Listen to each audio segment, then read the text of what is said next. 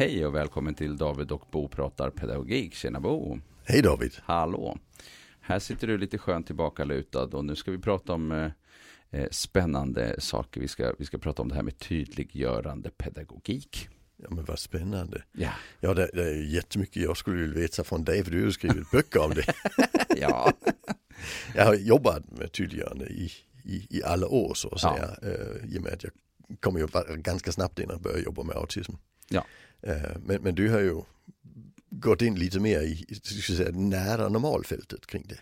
Eh, ja, men precis. Vi har väl kanske vidgat upp det lite på det sättet att om man tittar på eh, hur det liksom startade för 50 dryga år sedan borta i North Carolina med Teach och, och, och så, så och, och just för personer med autism Ja, så har det ju liksom visat sig att det var ju inte enbart för personer med autism som det var betydelsefullt att få koll på vad som ska hända och var och när och hur och med vem Mm. och så vidare. De här frågorna som vi liksom ja. pratar om, utan det visade sig, det här var ju bra för andra också, andra Ja. eh, barn och ungdomar med särskilda behov och vuxna. Men eh, sen visade det sig att eh, det här är ju inte så dumt ändå och det här är ju någonting som vi har runt om i hela samhället Ja, precis. egentligen. Ja, alltså, alltså ursprunget i Division Teach i, i North Carolina Ja. eh, var ju egentligen mycket bredare än det som kom hit. Mm. Eh, och sen eh, var det också mycket mer, det som kom hit var mycket lydnadsorienterat på 90-talet. Mm. Från början ja. Så vi använde det för att få folk att göra som de skulle. Medan på Division Teach där handlade det ju liksom om att skapa en, en, en, alltså en autismvärld, en autismkultur. Där varje person hade sin plats och allting funkade. I, i en, en, jag skulle säga en, en, en, en, en, autismvärld. ja. Och det har vi ju aldrig tagit in här. Eh, Men, men vi tog in just det här med det tydliggörande och sen användes det jättemycket för att hur får vi barnen att göra det vi vill att de ska göra. Mm. ja Framförallt precis. barn eh, var det ju till att börja med. Sen kom det ju in på vuxenfältet också. Men så är det ju inte idag. Nej, men vi har ju liksom, eh, alltså det finns säkert de som driver det på det sättet också, men vi har ju den här grunden i idén om att barn ska bli självbestämmande, självgående eller, Ja. eller eh, och så. Eh, Precis, ja. Autonomistödjande pedagogik och tydliggörande pedagogik ligger ju, liksom, de går ju hand i hand. Ja, jag tycker det. Ja, precis. Jag, jag, jag, jag, jag hade en sån lite spännande upplevelse. Jag blev kontaktad av Wolfgang Ja, eh, nere i, eh, han, han finns nere i Tyskland, Ja. i, i Bielefeld, eh, på något som heter Autea. Och de gör en sån här stor autismkonferens varje år på tyska. Och han frågade om jag kunde komma ner dit och, och, och, och hålla en, upp, en, en föreläsning om etik och autism förr, nu och i framtiden. Mm. Och jag sa bara ja, det blir kul. ja. Och sen snackade jag med min fru om det och så sa hon, du är fan inte klok sa hon. Alltså, nu ska du snacka om autism förr i Tyskland? så jag tänkte, oj det tänkte inte jag på. Alltså, tyskarna tog livet av alla med autism på 40-talet liksom. Så det var ju, ja, hur långt tillbaka ska vi gå? ja precis, så det blev lite bökigt sådär i, i tanken först. Men sen, sen när jag kom ner dit så, så började jag med att, att, att ha den här slide som whatever you say, don't mention the war. eh, Mm. Som John Cleese han hade Ja, i, i uh, Fawlty Towers. Ja. Eh, och det skrattar tyskarna som det var, Ja. som tur var jättebra. Eh, och, och sen använde jag svenska exempel uh, Ja. vid, vid Boholm och så. Det, där fick vi ihop det på ett, ett vettigt sätt Mm. utan att det blev så kon- Men det spännande med den konferensen det var ju att Division Teach var där. Alla höjderna för Division Teach var där. Och det jag, en del av det jag snackade om det var just autonomibegreppet. Mm. Alltså hur kan vi använda autonomibegreppet i framtiden i autism? Var är vi på väg? Och där använde jag Teach som exempel. Ah. Eh, och, och, och gav exempel på hur vi kan anpassa eh, just, just tidsramen i förhållande till att målet är autonomi. Eh, och där snackade jag med dem efteråt och frågade vad de tyckte. Och de, och de tyckte det var, man ska kanske säga att Division Teach har inte alltid varit öppen för påverkan utifrån. Nej, det, det är lätt när det liksom start... Nej, just det. Ja. Och jag har förstått det. Och, Och, eh, en av orsakerna är ju att det finns i USA där det är en väldigt TBA-fokus. Ja, Eh, så, så de har, de, de har liksom varit tvungna att hålla TBA utanför Och metoden. sen utvecklar de den ganska hårt. Sen har jag förstått att man, eh, man liksom har frångått en del av de här lite mera hårdragna sättet att liksom att ett, ett schema måste alltid se ut på exakt samma sätt. Alltså, Ja. De har liksom öppnat upp för att det finns variationer. det har varit kanske- en utveckling, men man har velat hålla den inom huset så att säga. ja, mm, Eh, Så förut när vi har samarbete med Division Teach, eh, vi som jobbar med low arousal, eh, lågaffektivt bemötande, hade varit jättebökigt för dem hur de ska handskas med det. Alltså hur, hur gör vi samarbeten och så. Men där var de i alla fall öppna och så ja, vi, det är ju tankar vi också har så Mm, vi är på väg åt det hållet också. Alltså, så, så det är ju, så det funkade. Så jag, jag snackar en del om det här med hur vi kan skapa, hur vi kan skapa aktiva val och Mm. flexibla val hos Ja. personer med särskilda behov inom en tidsram. Men det är lite överkurs i förhållande till att snacka om vad tydliggörande pedagogik är. Så- ja, vi kan ju börja egentligen i, i den vanliga vardagen som vi befinner oss i. Precis, ja. Eh, och då tänker jag att eh, det handlar ju om att skapa en tydlighet kring eh, vad det är som gäller och lite grann svara på sådana här frågor som vad, när och hur och med vem och varför Mm. och, och, och, och hur länge och allt vad det är för någonting. Och i vårt samhälle har vi ju eh, en, en mängd saker som egentligen tydliggör eh, Eh, vi har vägmärken Ja. som eh, tydliggör vad, vad, vad som gäller, som Ja. handlar om förväntningar. Precis. Mm. Eh, vi kan komma in på ett sjukhus och så kan vi komma till receptionen och så kan, vi, kan de säga följ den gula linjen till Ja. väntrummet. Liksom. Och, så vi har ju, och, och då kan vi följa den. Och under pandemin så har vi ju sett väldigt många affärer som eh, har eh, kl- stora klistermärken på golvet där det står att man ska hålla en och en halv meters avstånd. Och, och då gör ju folk det faktiskt. Alltså jag Mm. menar, det är ju inte hundra procent utan ibland så är det någon som har en meter men ibland är det någon som har två. Men det blir en påminnelse liksom om någonting. Ja. Alltså jag, jag tänker lite att, alltså jag, jag gillar att lyfta sakerna lite upp på en, Ja. vad, vad är det Vi, teach, vi rör oss fram och tillbaka. Ja, vad, vad, är det, vad är det tydliggörande pedagogik gör? Mm. Och, och i och med att, att jag tror inte att vi ska ha metoder som ska hjälpa folk att bli lydiga. Nej. Eh, så, så, så jag har funderat mycket över var, var, varför är det här bra, vad, vad är det det gör? Och, och där har jag kommit fram till att, att i grunden är det ju skapat, och det har jag snackat med Division Teach om också, Mm, de här mm. eh, olika, eh, vad heter Ja, de allihopa, jag har jobbat med dem lite Mm. av och till genom åren. Ja. Eh, och, och, och de säger ju primärt, ja men det skapar förutsägbarhet. Mm. Alltså ungefär som att eh, när, man, när man tar ett barn med till Legoland så kan det vara bra att veta vad som kan förväntas på Legoland. Mm. Alltså annars kan det bli kaos liksom. Eh, så förutsägbarhet, men, men problemet är ju att när vi kan skapa hur mycket förutsägbarhet som helst men det är inte säkert att personen säger ja ändå. Nej. Alltså, och, och, då, och då måste vi ju in och titta på vad är det, för, vad är det vi, vi vill att barnen ska göra, vad är det för självbestämmande vi vill plocka bort och, och, och är det aktiviteter som ger mening för barnet. Alltså, och, och för mig har det varit en viktig diskussion att ha in i mitt huvud för att jag får ju oftast de ärenden där saker inte funkar. Mm. Och då måste vi ju ibland gå in och snacka om hur har ni använt den här förutsägbarhet? Är det förutsägbart för personen eller bara för er? Mm. Eller har ni använt det för att uppnå lydnad och så vidare. Så det, det är en, men förutsägbarheten är den viktiga. Det är ju det vi har på sjukhuset. Men här, alltså, vi säger till honom, följ den blåa linjen. Mm. Sen är det mycket möjligt att han inte gör det. Nej, men då kommer han precis. inte till rätt väntrum och då kommer Nej. han inte träffa läkaren. Nej, och, och det blir jättedumt. Men vi Mm. kan ju inte tvinga honom att följa blåa linjen. Nej. Utan det, det, det är ju just ett hjälpmedel. Och Ja. det tror jag är viktigt. Att Att man ser det som det, precis. tydliggörande är inget, styrmedel, det är ett Nej. hjälpmedel. Mm. Ja, och tittar vi på liksom en vanlig, vad ska vi säga, eh, tambur i, på en förskola, en skola eller något fritids. Så, så kan det vara väldigt tydligt med vilken krok ska jag hänga min jacka på, var ska jag ställa mina skor och så vidare. Det leder ju till att eh, det inte blir kaos liksom, i Ja. det systemet. Eh, sen kanske det ändå inte är så att, eh, jag menar det finns ju barn som eh, springer in och så åker en sko av där, en sko av där och en jacka där och allting ligger på golvet. Eh, liksom. Så att det är ju inte så att det är givet bara för att det finns en krok där, att barnen hänger dem på sin krok. Nej men, men där tänker Men jag det- så att om, om vi då hänger upp det, då är det Mm. fortfarande förutsägbart när barnen ska ut vad sakerna är. Då är Alltså, det förutsägbart. Ja, alltså, Ja, så det beror ju på, Det beror på igen det, här, det, det, det det jag menar, vi ska skapa förutsägbarhet, vi ska inte skapa lydnad. Mm. Alltså så det är ju faktiskt ett jättebra exempel. Ja. Ungen slänger sakerna lite var som helst, Ja. vi hänger ändå upp dem. Mm. Alltså jag har ju alltid hängt upp mina ungars grejer, jag har inte tjatat på dem. Att, så, alltså det, det är ju, tjata är mycket mer jobbigt än att hänga upp saker. Ja, de flesta hänger ju upp sakerna och de hittar sina rutiner och sen så finns det vissa barn, de är ganska få, eh, som, eh, eh, och då, då har vi hela tiden det där, ska man eh, liksom alltid kommentera varenda sak som blir negativ, vad, lever, vad, vad blir det då för värld kvar Ja. för det barnet att leva i, om allting som den gör hela tiden ska kommenteras och bedömas och eh, ifrågasättas utav vuxna. Mm.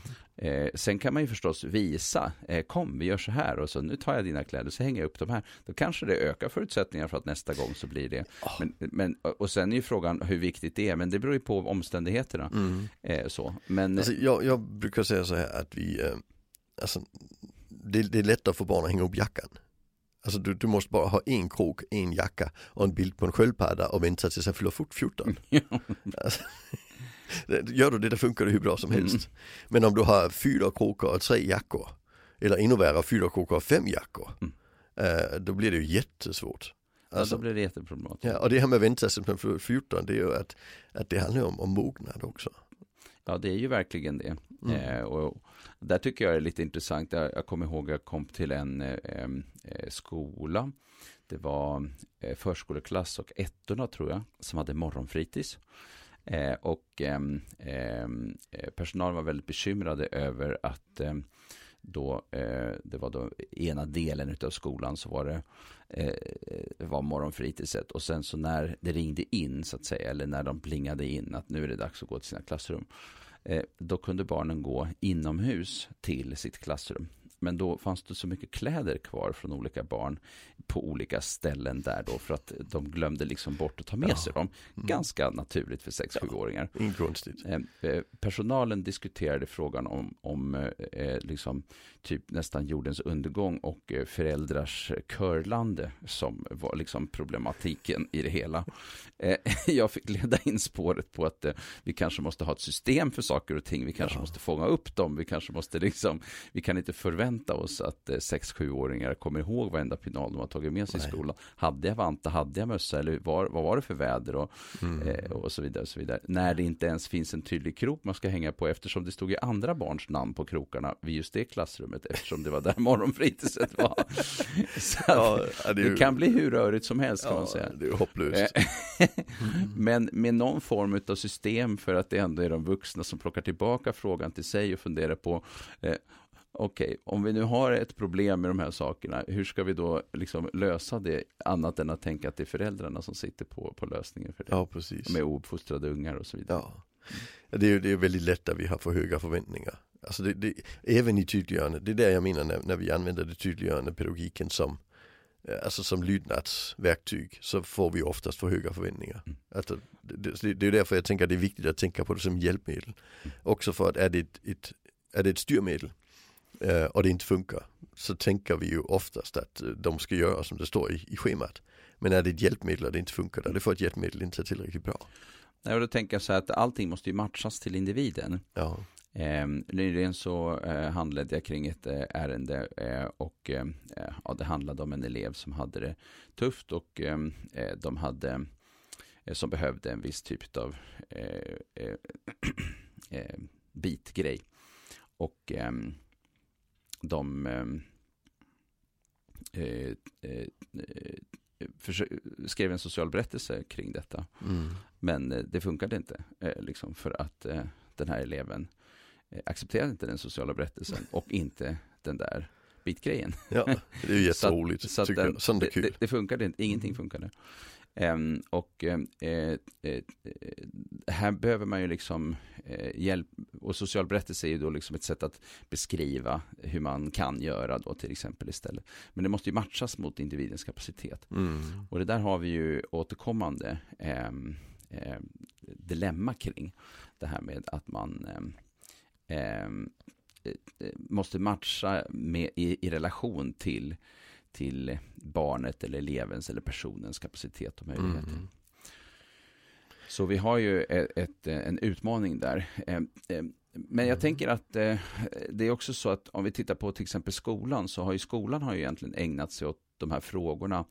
Vad, när, hur, eh, varför inträffade eh, andra världskriget, eh, hur gick det till, eh, vad var det som gjorde och så vidare. Alltså de frågorna finns ju med eh, som, någon, som någonting i, i, i undervisningen.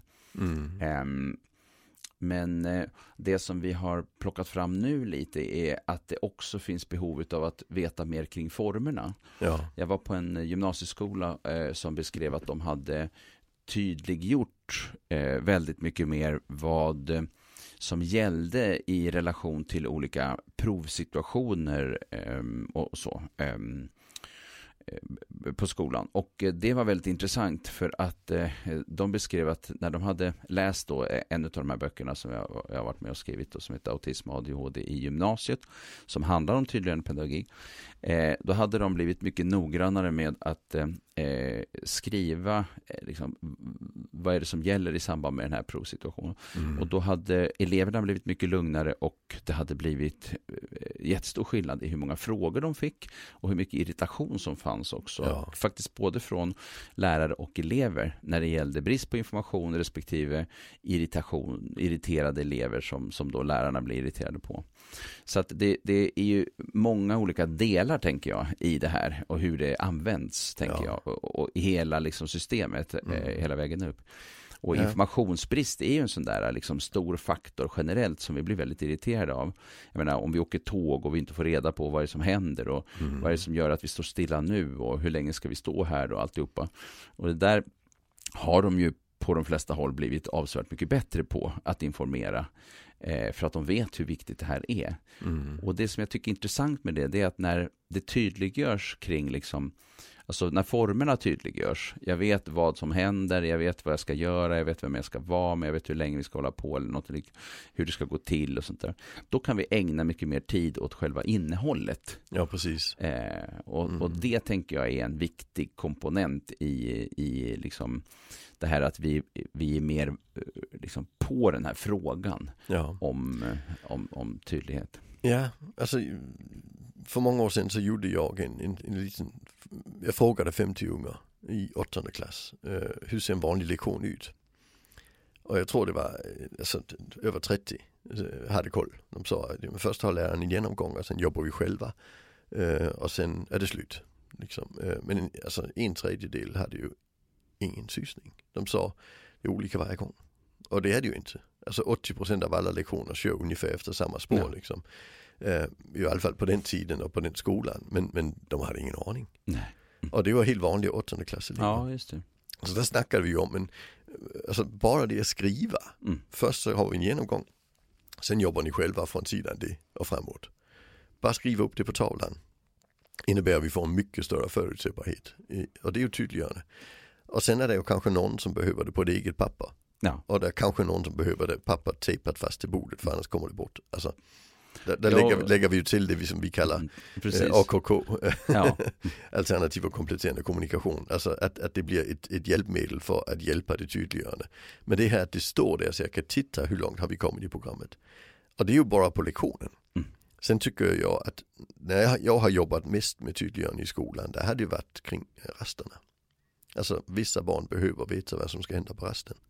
Och en del barn har ingen sysning. Alltså den klassiska det är ju den lågstadiebarnen som går runt med en pinne bara. Ja men precis. Ja, en kille är det oftast då. Uh, och sen är det en del som har behov av att veta som snabbt skapar sig ett, vad ska vi kalla det, instruktör. Jag spelar fotboll. Jag spelar fotboll på varenda rast ja, i låg och mellanstadiet och sen flyttar det över till att spela kort när de kommer in i högstadiet. Så de skapar sig en egen förutsägbarhet kring, kring situationen. Uh, men, men det hade ju även varit bättre för dem om vi kunde på något vis tydliggöra vad har du för valmöjligheter. För det att tydliggöra valmöjligheter mm. tror jag är jätte, jätteviktigt just för den ostrukturerade tiden. Otroligt väsentligt och eh, jag var på en eh, låg och mellanstadieskola där man styrde upp rasten på det sättet att man eh, gav fritids ansvar för eh, rast, peda, pedagogiska innehållet på rasterna. Eh, tydliggjorde att det här inte var liksom en, en, en vaktande situation mm. för eh, lärare och andra pedagoger ute på rasten utan att det var en pedagogisk eh, situation. Och ehm, de fick en liten, liten budget eh, och eh, det var inte särskilt mycket pengar, men köpte in lite små saker eh, bara för att öka. Men eh, framförallt ett stort fokus på aktiviteter och att försöka få med sig eh, elever in i olika aktiviteter, de här som blir mm. stående på olika håll och sådär och se om man kan få med dem i aktiviteter så att, och att det då fanns en bredd i aktiviteter så att det faktiskt ja eh, gav liksom, eh, alltså fanns meningsfullhet eller ja. upplevdes meningsfullt för, för de olika. Och eh, mm. eh, det här hade haft jättestor betydelse. Eh, dels för att det blev, alltså konflikter ut, utreddes mer på rasterna. Mm. Eh, lärarna beskrev att det blev väldigt stor skillnad när eh, eleverna kom in i klassrummet för det var väldigt mycket mer som var mycket mer nöjdhet och mycket fler konflikter som hade lösts och, mm. och så eh, och en mycket större tydlighet också när man så att säga gick ut att det fanns olika saker att göra. Så mm. Och det här var ju liksom då lärare som hade bestämt sig för, ja men det här är vårt uppdrag, vi måste se till, eller, eller skola som hade bestämt sig för att det här är vårt uppdrag, vi måste se till att, eh, att eh, det finns en tydlighet kring vad man kan göra och olika aktiviteter och alltså styra upp det och sådär. Ja. Men sen fanns det en tidpunkt som var lite bortglömd i systemet. Tirasten och lunchrasten var liksom löst. Eh, och på fritids så var det uppstyrt. Men det var den här perioden mellan att skolan slutade tills eh, eh, vad heter det, fritids började. Okay. Alltså en slags eh, eh period där vissa barn eh, slutar skolan ti, eh, eh, eller tills det var mellis kanske eller någonting. Alltså, mm. var, och då hade de bara bestämt sig för att vi ska vara ute, men de hade inte styrt upp det lika mycket. så att när jag träffade dem senare så, så kom mm. de på plötsligt att, men just det, den där tiden, den har vi faktiskt inte styrt upp. Så det var liksom nästa målsättning. Mm. Jag, och det där ger mig liksom någon slags idé om att vi kan kanske inte alltid eh, eh, liksom löser saker och ting på en gång, utan vi måste ta saker och ting i steg och det är helt ja, okej. Okay. För det går liksom inte att göra allting på en mm. gång. Nej, ja. alltså jag vill ju passa på att, nämna Gustav Sunds Gustav fantastiska ja, bok, precis, ja. Nyckeln till skolgårdens ja. lärande, mm. som är helt fantastisk just hur man styr upp ja. de här långrasterna och så vidare. Och, och, och, det är ju verktygen vi sen kan använda lite bredare. Men jag tror du har helt rätt, alltså det här med att vi vi tänker att ja, men nu har vi styrt upp det. Men sen tänker vi om där kan de väl ta det lite lugnt. Mm. Mm. Men det finns ju inga barn som kan ta det lite lugnt. Alltså, och, och jag brukar säga att, alltså, jag brukar raljera lite. De byggde en skola mm. äh, i, i Lomma där jag bor. Och, och där ser man skolgården när man kör förbi. Och, och innan de första dagarna körde jag förbi och där släppte de ut alltså 532 barn samtidigt. Låg och mellanstadie. Utan en, utan en plan. Det finns ja. ju ingenstans i samhället vi skulle få för oss att släppa ut 532 personer i 20 minuter utan en plan. alltså, för vi vuxna har ju alltid en plan, vi har individuella planer. Men barnen, alltså det, det, det, det finns ju ingen möjlighet att det egentligen skulle funka. Alltså, men det har vi gjort i 200 år mm. nu snart. Vi har snart mm. haft i, i Norden. Ja, I Norden har vi haft skola, i Sverige var ju senast av de nordiska länderna ha allmän folkskola. Det var väl 1848 eller något sånt va? Något där i mitten på 1800 Ja, medan, medan Danmark var 1912 och Norge var på 1700-talet till och med. Mm. Uh, men sen dess har vi ju haft de här konflikterna på rasterna och, och sen tror vi det är jag tror vi det är Kevin fel på. ja, det är intressant. det är jätteintressant. Mm. Uh, och det här, ja precis, fortsätt. Ja, för, för, jag tänker när, när, när, jag går på stan, där har ja. jag en plan. Mm. Och de andra som är på stan har också en plan. Ja, precis. När vi ska gå uh, någonstans där vi är många människor på fotbollen till exempel, nu är det ju det var ju premiär i helgen mm. i, i allsvenskan och, mm. Eh, och, så helgen innan vi spelade in, in detta och, och, nu på måndag då ska jag på stadion för första gången här i Malmö och det blir ju jättebra. Men Alltså vi kommer ju dit i tid men allihopa vet ju, ja vi ska vänta här men du, du kan ju köpa din korv och du kan, vad du annars ska göra där. Och sen står vi här och väntar men vi har en plan allihopa. Det är ju ingen som kommer dit och bara tänker, ja vad fan ska jag göra här, vi får se. Nej. Alltså det, det funkar ju inte så för då skulle vi inte kunna ha 20, 20 000 personer på stadion, det skulle inte funka. Alltså så, så vi har ju alltid en plan. Uh, och där har vi en, en, en märklig upplevelse av att barn inte behöver en plan. Nej, och det är jätteintressant. Eh, rasten är ju liksom ut och springa och ha kul och, och springa av det så att mm. du är mm. pigg att sen ta in. Um, och um, eh, det fungerar ju hyfsat bra för rätt många. Det är ja. fascinerande liksom alltså hur det är. Ja. Men så har vi ett antal där det är jättejobbigt, som det är jättejobbigt för mm. och som faktiskt behöver väldigt mycket plan. Ja. Eh, och det är inte så att eh, det är tvingande. Jag tänker på den här skolan som jag nämnde nyss. Det var inte så att det tvingades liksom, du mm. måste vara med i den här aktiviteten eller och nästa rast måste du vara med i nästa aktivitet. Utan det är ju ett samarbete och att försöka hitta ingångar och försöka locka till. Och läroplanen eh, för fritids är ju, det är ju typ Alltså det är ju nästan allt annat än det som är skola. Alltså den är så bred mm. skriven så att man undrar liksom. alltså den är, det är liksom hela livet, ja. hela rest, resten liksom. Allt, mm. socialt samspel, konflikthantering, alltså det är så mycket. Mm. Um, och allt det där ska man liksom uh, fixa. Och, uh, men, och sen vet vi att det blir uh, massa konflikter. Men sen tyckte jag det var så roligt också det här, för att just på den här skolan så hade man så småningom liksom bestämt sig för att, nej men nu döper vi om fotbollsplanen. Mm. Den heter inte fotbollsplan längre. Den heter grusplan. Ja. Och på en grusplan kan man göra alla möjliga saker. Och Ja, då får det precis. bra bli så. Det är Ja. inte bara fotboll där. Och det som är intressant med det, det är ju att då blir det ju någonting annat som händer. Då kommer det ju fler dit. Som, som inte brukade komma till fotbollsplanen. De kommer till grusplanen. För där händer en massa saker och inte bara fotboll. Nej, alltså Gustavsund har jag också beskrivit. eh, Jag har varit på en föreläsning med honom där han beskrev att de hade en ganska stor fotbollsplan.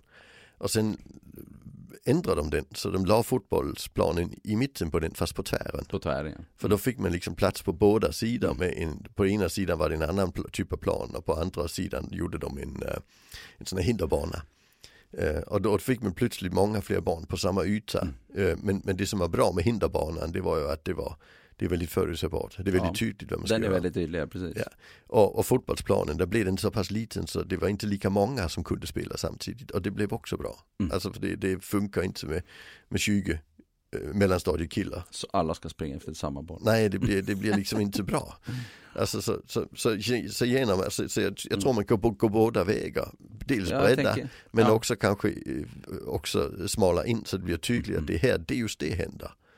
Alltså, så det, det är ju två olika sätt att jobba med det, tänker jag. Ja, det är ju, och det är ju eh, eh, oerhört spännande när man liksom eh, bestämmer sig för att eh, liksom ta tag i den här frågan på ett Mm. annat sätt. Och, eh, utan att liksom tvinga in folk i olika, men att ändå, eh, att ändå skapa förutsättningar för att eh, skapa en organisation för det kan man ju säga Ja. egentligen, handlar det ju om. Och jag tänker på det här som eh, du var inne på förut, det här med att man skriver upp saker och ting på tavlan och sådär. Det vi ser är ju att eh, det gör man ju ofta, i lägre åldrar gör de, alltså de flesta Mm. lärare, eller alla kanske nästan, skriver liksom upp saker, vad ska hända idag på tavlan så.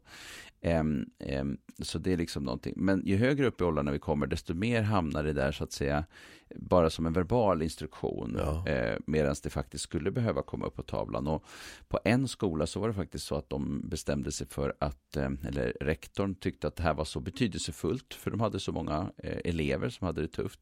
Mm. Så att de gjorde det till och med lönegrundande, att man såg till att det var liksom Ja, det är smart. Eh, att det var liksom tydligt.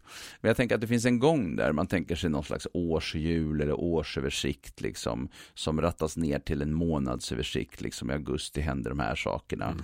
Och för en elev så kan det då eh, så rattar det ner till själva schemat för mig. Liksom sådär. Personalen kanske har månads och årsöversikter men för mig så eh, okej det, här är, det här är schemat som jag har varje vecka. Ja.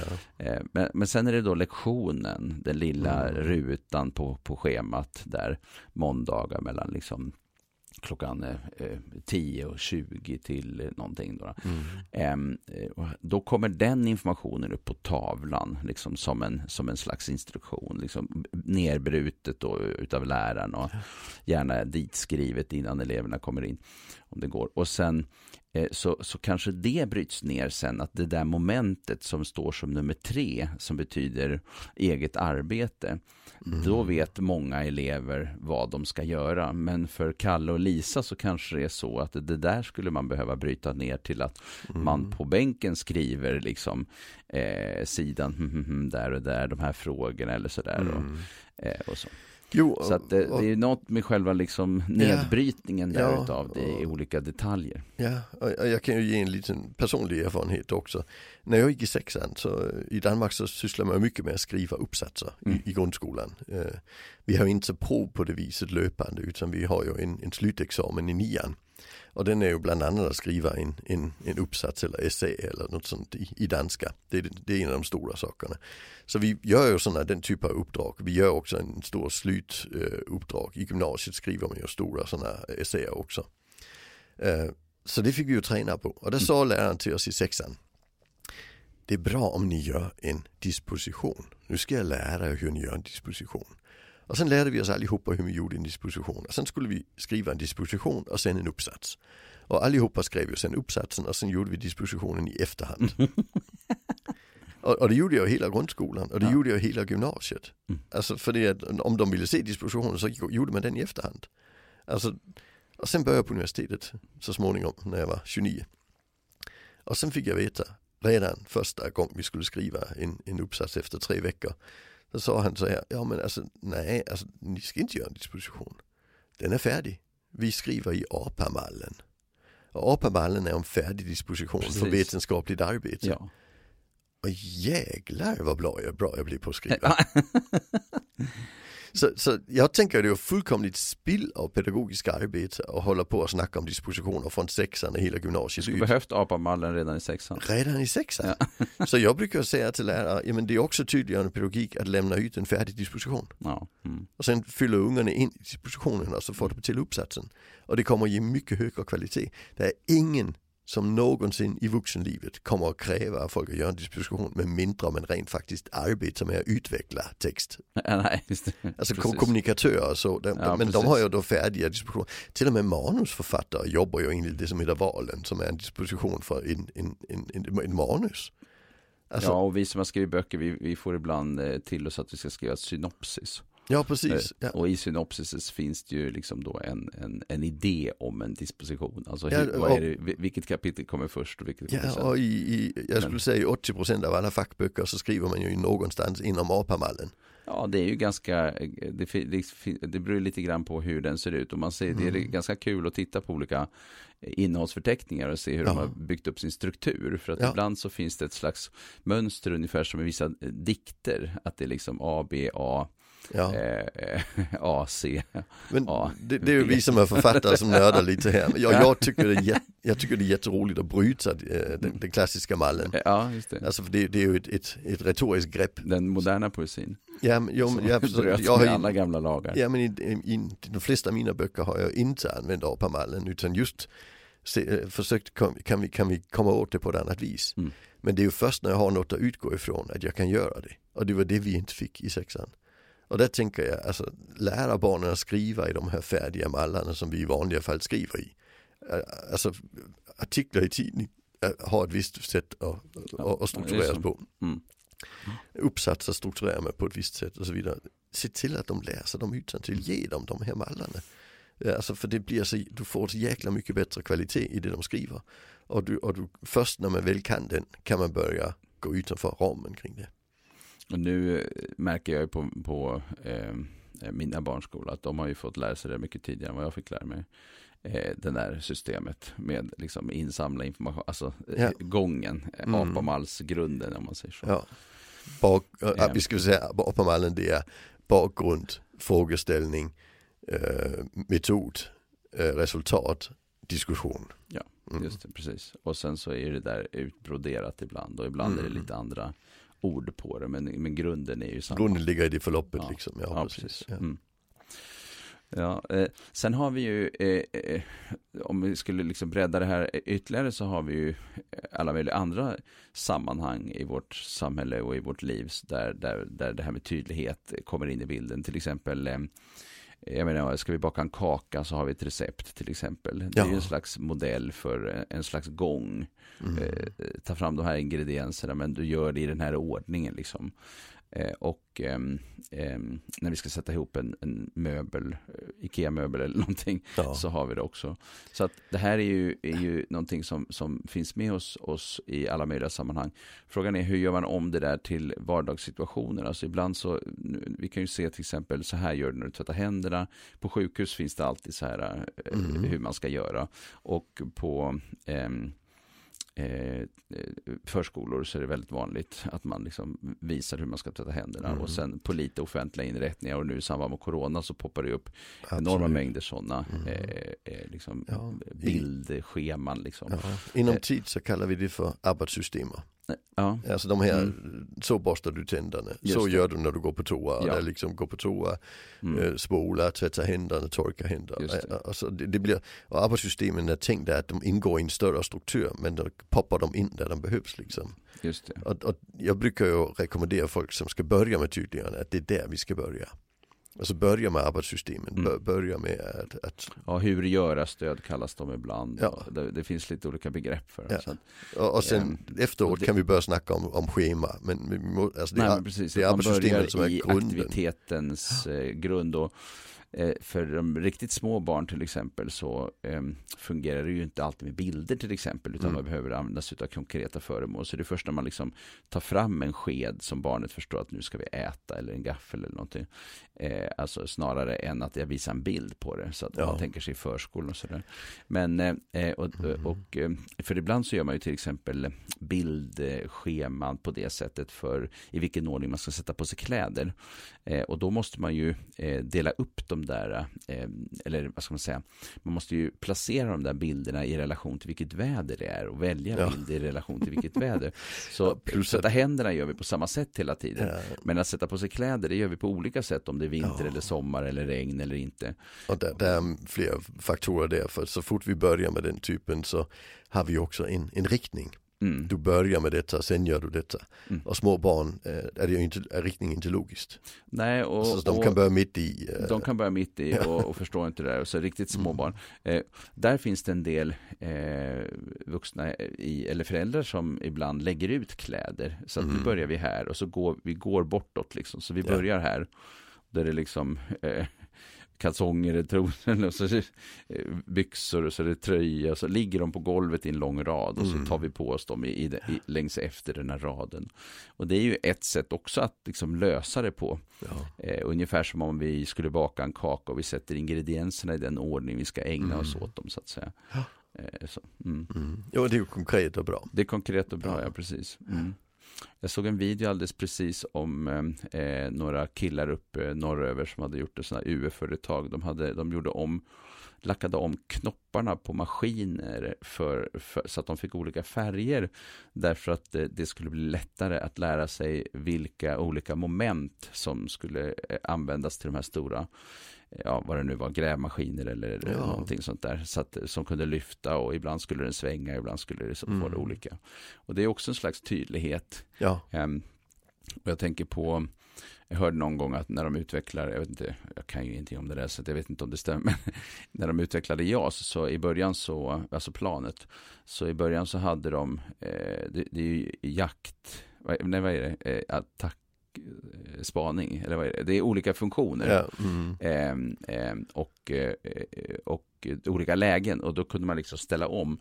Men samma knapp kunde då användas för olika saker eh, beroende på om det var J eller A och det gick inte i relation till mänskliga psyket så att man var tvungen att göra om knappsystemet mm. så att ja. eh, det var olika saker man så att säga skulle använda sig av beroende på i vilket läge man var, om det var spaningsläge eller om det var attackläge mm. till exempel. Ja. Så att man inte helt enkelt råkar skjuta när det är fel läge. Alltså, mm. det, vi, det sätter sig i, i vår kropp. Ja. Liksom. Det finns en, en helt fantastisk gammal bok från 80-talet som mm. heter The Design of Everyday Things. Ja. En, alltså, som har tagit en psykologisk uh, vinkel på just design. Och, mm. och, de mm. säger, men, men har du en bil där du har ett säte som du kan reglera ele elektriskt så måste du ha två knappar. Mm. Och de ska formas som sätet. En som är botten på sätet och en som är ryggen. Och sen kan de röra sig olika. Alltså istället för att ha, tänk om du skulle ha det på, på olika knappar, där står upp och ner och fram och tillbaka och in och ut. Och det skulle vara helt omöjligt. Och nu är det ju så på bilar, där det är sätesform Oftast är det, på, på många bilar. Ja, det var Mercedes som uppfann det och, sen, ja. och det tar de utgångspunkt i det. Så det är bra kognitiv design. Ja, liksom, precis. Istället för, för den ser ut som en, som en sits liksom mm. och då mm. fattar man vad man ska göra. Ja precis. Nu, ja, nu, för nu, grejen är den att man ser ju aldrig de där knapparna så att det kan ju inte stå upp och ner och grejer för de är ju på sidan av ja, sitsen. Så att, ja. men, men förut var det ju en knapp uppe på, på ryggen för hur man gjorde med ryggen precis. och en knapp nere vid sätet hur man gjorde med sätet. Alltså, mm. så, och, och, och, hela det grundtänket det, det, har de genomfört där. Alltså, de säger det, det sämsta det var de första, de, de första sådana här eh, mobiltelefoner som kom. Där, där var ju allting var ju inne i en meny som inte var logisk. Mm heller utan det var ingenjörer som hade byggt det eh, utifrån hur telefonen var byggd, inte utifrån hur människan funkar. Nej, just det. Alltså, så, så när, mm. Samma knapp kan ha tio olika funktioner. Just det. Det, det, det kan vi ju inte. Nej, det blir, det blir väldigt svårt. Det var ju ja. det som var så bra med touchscreenen sen när den kom. Eller smarta ja, och, och smarta, smarta telefoner ja. använder detta. Och, och det tänker det är också tydliggörande. Att, att, ja. att, att, det blir lätt att ta till sig hur jag ska göra. Just det. det här höret är ju jättespännande. Ja, det är det. Verkligen. Verkligen. Ja. Där, du var med om att utveckla de här, vad heter de, eh, funkarna. Ja, just det, figurerna, ja, precis. Ja, precis. Mm, Eh, jo. och, där hade ni ju de här olika, en figur som heter hur och en Ja. som heter var och så vidare. Ja, precis. precis. Ja. Det såg jag just de här, det kommit i en, barnbok nu. Ja, det har ju det. Det, Ja. det är jättekul, verkligen. Det är ja. Anna Sjölund som, som håller i spakarna här nu och eh, det är väldigt roligt för att eh, jag tror att det finns väldigt mycket potential i, i, i de här figurerna för de, de ska ju liksom ändå hjälpa till med att eh, för, för barn att, att liksom Mm eh, kunna eh, få en röst och eh, eh, förstå bättre tillvaron och de kan användas på ett lekfullt sätt. Ja, Mm. och den barnboken heter Vem tjuvade huret? Ja, ja det tycker jag är jättebra. Ja, det är jätteroligt. ja eller hur? Mm. För, eh, för ehm, eh, hur blir världen om det liksom inte finns några hur? Alltså Ja, när man inte alltså, vet i- hur saker och ting går till. Ikea-möbler. Ja. Ut. Återigen. Alltså vissa, vissa kommer ju att lösa det och Ja. andra kommer ju verkligen Ja. inte att lösa det. Och det tänker jag i skolan, alltså vi vet idag eh, att eh, alltså, un- runt 10% i genomsnitt och i vissa kommuner 14-17% har ju någon typ av diagnos Mm. när de kommer upp i mellanstadiet. Mm. Det är ganska mycket. Det är väldigt mycket. Och, och det de oftast har gemensamt det är att just hur är svårt. För Mm. hur bygger på orsak och verkan och de svårigheterna vi ser i det neuropsykiatriska fältet. Det är oftast där man har problem med eh, i olika grad av central koherens som handlar om just hur. Alltså för jag, kan jag inte förstå De- Delar till helhet och orsak och konsekvens orsak, ja, och precis. alla de här sakerna. Det är ju Mm. väldigt mycket hur. Ja, Så, så, så glömmer vi bort hur så blir det ju jätte, då blir det jättebesvärligt. jätteproblematiskt. Ja. Eh, eh, den här boken om tydliggörande pedagogik, eh, autism och ADHD i skolan, i fritidshemmet finns det en bok, gymnasiet en annan. Mm. Det finns om tydliggörande pedagogik i vuxenutbildning, det finns för förskolan, tydlig pedagogik i förskolan. ja. Och så finns det ju en för föräldrar som heter Få familjen att funka. ja, precis. Och eh, som ju också är inläst. Ehm, Och det är böcker där du har varit medförfattare till en del ja, av serien Ja, va? precis. Det var den, den första boken var jag inte med på. Mm. som eh, heter Autism ADHD i skolan. Mm. Eh, och eh, poängen i alla de här böckerna är ju då att de är väldigt praktiska, att det finns massa olika strategier för hur man kan använda ritprat och sociala berättelser och samtalsmattor, olika metoder för, för helt enkelt att samtala, kommunicera, eh, förbereda och lyssna till Mm. barn och barns berättelser och försöka få liksom, eh, tydlighet i vardagen och sådana saker. Så att eh, det är ett väldigt spännande fält och det som är kul att se nu det är ju den kreativitet som blir i efterdyningarna utav liksom en sån här bok. Eh, Om jag tittar på till exempel, jag har fått ganska mycket bilder tillskickat mig från förskolor Mm. där man har liksom börjat styra upp det med att visa vad som händer och eh, lite mer var sak på sin plats, att man visar vad saker och ting ska vara. Man har liksom eh, styrt upp det in i sådana här eh, kaotiska eh, eh, vad heter det, bod, leksaksbodar där allting ligger huller om buller. Så har man Mm. liksom styrt upp eh, skapat mycket större tydlighet med vilka olika aktiviteter som man kan ge förslag på att man kan göra Ja. Eh, eh, på vissa bra. platser och, och eh, så. Så det är väldigt spännande med kreativiteten och jag tror att vi ser nu liksom att det, nu börjar folk liksom tänka kring det här och sen finns det något liksom 2.0 i det hela och något 3.0 kanske också Mm. liksom det här att ta det vidare och det är ju att verkligen sätta sig in i det här med hur blir det för den andra? Hur blir Mm. det för barnet eller, eller eleven eller, eh, eller så? Em, em, I olika sammanhang och situationer. Em, och att eh, också involvera individerna eh, i Mm. att skapa sin egen tydliggörande pedagogik. Och jag kan ge Ja. ett exempel från en förskola som hade bestämt sig för att de eh, ville jobba med det här med eh, att barnen skulle involveras i att skapa eh, en tydlighet kring vilka, klä, vilka kläder man skulle sätta på sig i tamburen när man gick Mm. ut. Em, och då gjorde de en liten skål eh, eller någon korg eller någonting de hade och så stoppade de in bilder på kläder för olika väder. Och så hade de som en rutin att de tog med sig två barn, tittade ut genom fönstret i hallen, eh, kikade vad är det för väder, pratade om det och satte upp dem på så här kardborreband, liksom, Mm. de här kläderna. Och de kunde prata om de här kläderna. Men titta här, men vänta, hallå, hur är det här nu då? Ska man sätta stö- stövlarna först på sig eller ska man sätta galonisarna först? Mm. Och så kunde man ha en dialog om det. Men vad det som var intressant var ju vad personalen beskrev när de kom in. Eh, dels var det ju att barnen tittade på det där mycket mer. Vi hade, det var fler utav eh, barnen som var självgående för att de följde schemat mera. Eh, det blev mindre tjat för att de pekade på schemat istället för att liksom, nej, sluta med det där. Alltså så, titta Mm. här, nu ska vi titta på schemat, vad är det nu? Så att det hjälpte barnen lite mer med fokus. Och en del blev mer då också självgående. Ehm, men, ehm, men sen sa de också faktiskt att eh, det blev mer tid att prata om andra saker. Alltså Ja. det blev bättre stämning. Ja, Eh, och det här tycker jag är lite intressant, för då kan vi säga att här är ju barnen medskapare utav liksom att eh, visa vilka, vad, är det som, vad är det som gäller idag. Och nästa dag är det två andra barn som liksom har det här. mm. Så att de kommer ju in i det, så det finns ju ett lärande där. Man jobbar med den här frågan om, om väder, kläder, frågan, liksom, så att barnen blir medvetna om det, så att det inte bara är liksom någonting som de vuxna säger. Men sätt på dig Mm. galonerna, det regnar ju nu. Liksom. Alltså, Ja. Utan att de blir medskapare utav det. Och jag tycker att det här är en väldigt fin bild över liksom hur man kan liksom börja jobba tillsammans med barnen och skapa liksom, Mm. Eh, eh, en, eh, att de själva involveras i en tydliggörande pedagogik så att, så att, det liksom, så att de är ja, helt enkelt medskapare och eh, eh blir liksom också tänker jag, för det, det är ju någonting med det här, vi pratar om självbestämmande, Ja, eh, att de, och vi, jag tror inte vuxna alltid tänker på hur många beslut tar en människa egentligen. mm. Men om vi skulle bryta ner alla beslut en liten två och ett halvt-åring, tre och ett halvt-åring tar när han eller hon ska sätta på sig kläderna i tamburen så är det ju eh, väldigt, väldigt många beslut, eh, även om många utav dem är ganska omedvetna. De är bara liksom, gå på rull eller vad man ska säga. ja. Mm.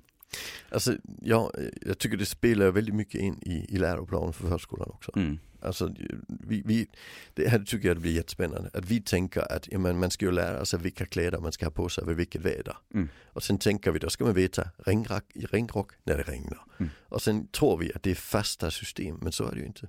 Jag tänkte på det i morse, jag hämtade upp dig i Lund. Ja, Vi sitter i studion i Malmö. ja. Eh, Och du bor i Stockholm och Ja. jag bor här nere i, Mm. i Skåne. Och, och sen kommer jag och så ser jag att du står i en, en, en, en rock. Ja.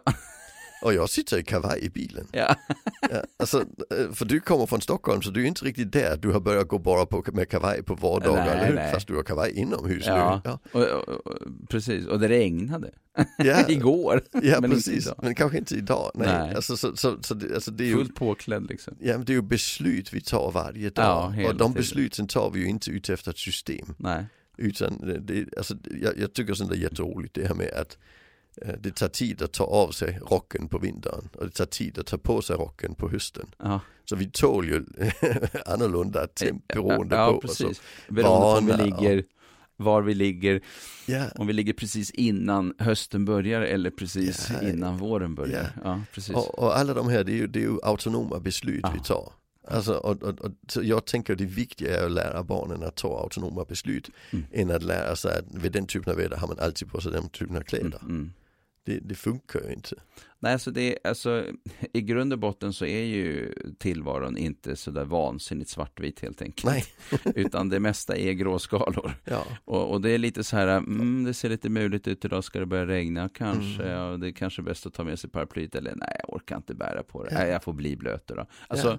den typ, ja men då har man tagit, alltså det är ju, och, och där tänker jag, det låter det ju konstigt och det vi egentligen säger här det är att du kan använda tydliggörande pedagogik för att skapa den medvetenhet och den, den, de valmöjligheterna.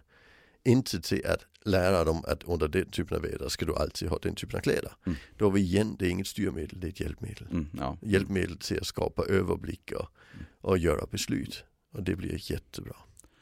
Ja, nej, vi kanske ska stanna där idag. Vi Vi lär säkert länge. återkomma precis till den här Mm. frågan eh, vidare. Den är väldigt, väldigt spännande. Och, Ja. och ni får också, kan jag säga, som har varit med här nu hela vägen ända till slutet, eh, får ni hemskt gärna skicka in till oss också idéer om sånt som ni skulle vilja att vi pratar om Ja. framöver. Precis, och det finns ju de här böckerna du har varit med att skriva Mm. eh, som heter Autism och Eh, Det, är- det är Mm. autism och ADHD eh, står det först på, på några av dem. Det är skolan, fritids och gymnasiet. Sen så står det tydliggörande pedagogik för, heter de för eh, högre utbildning, alltså Mm. eh, vuxenutbildning och för, för förskola. Och sen heter den eh, Få familjen att funka för Ja. familjen. Så att, eh, Och, och sen vill jag också passa på att eh, nämna, jag har skrivit med Anna Sjölund, Mm. som heter Hantera, utvärdera, förändra. Där Just. går vi ju in på det tydliggörande i förändringsdelen. absolut. Och sen även eh, Jenny Linde och Anneli Karlssons När samhället blir föräldrar som Just handlar om det här med att vara fosterhemsfamilj eller familjehem heter det numera. Eh, och även HVB och hur man kan tillämpa den här typen av metod. Där finns det också mycket skrivet om det. Ja, precis. precis. Mm -mm. Det är bra. Det är bra, Mm. men tack för idag då. Ja. Tackar, tackar. Música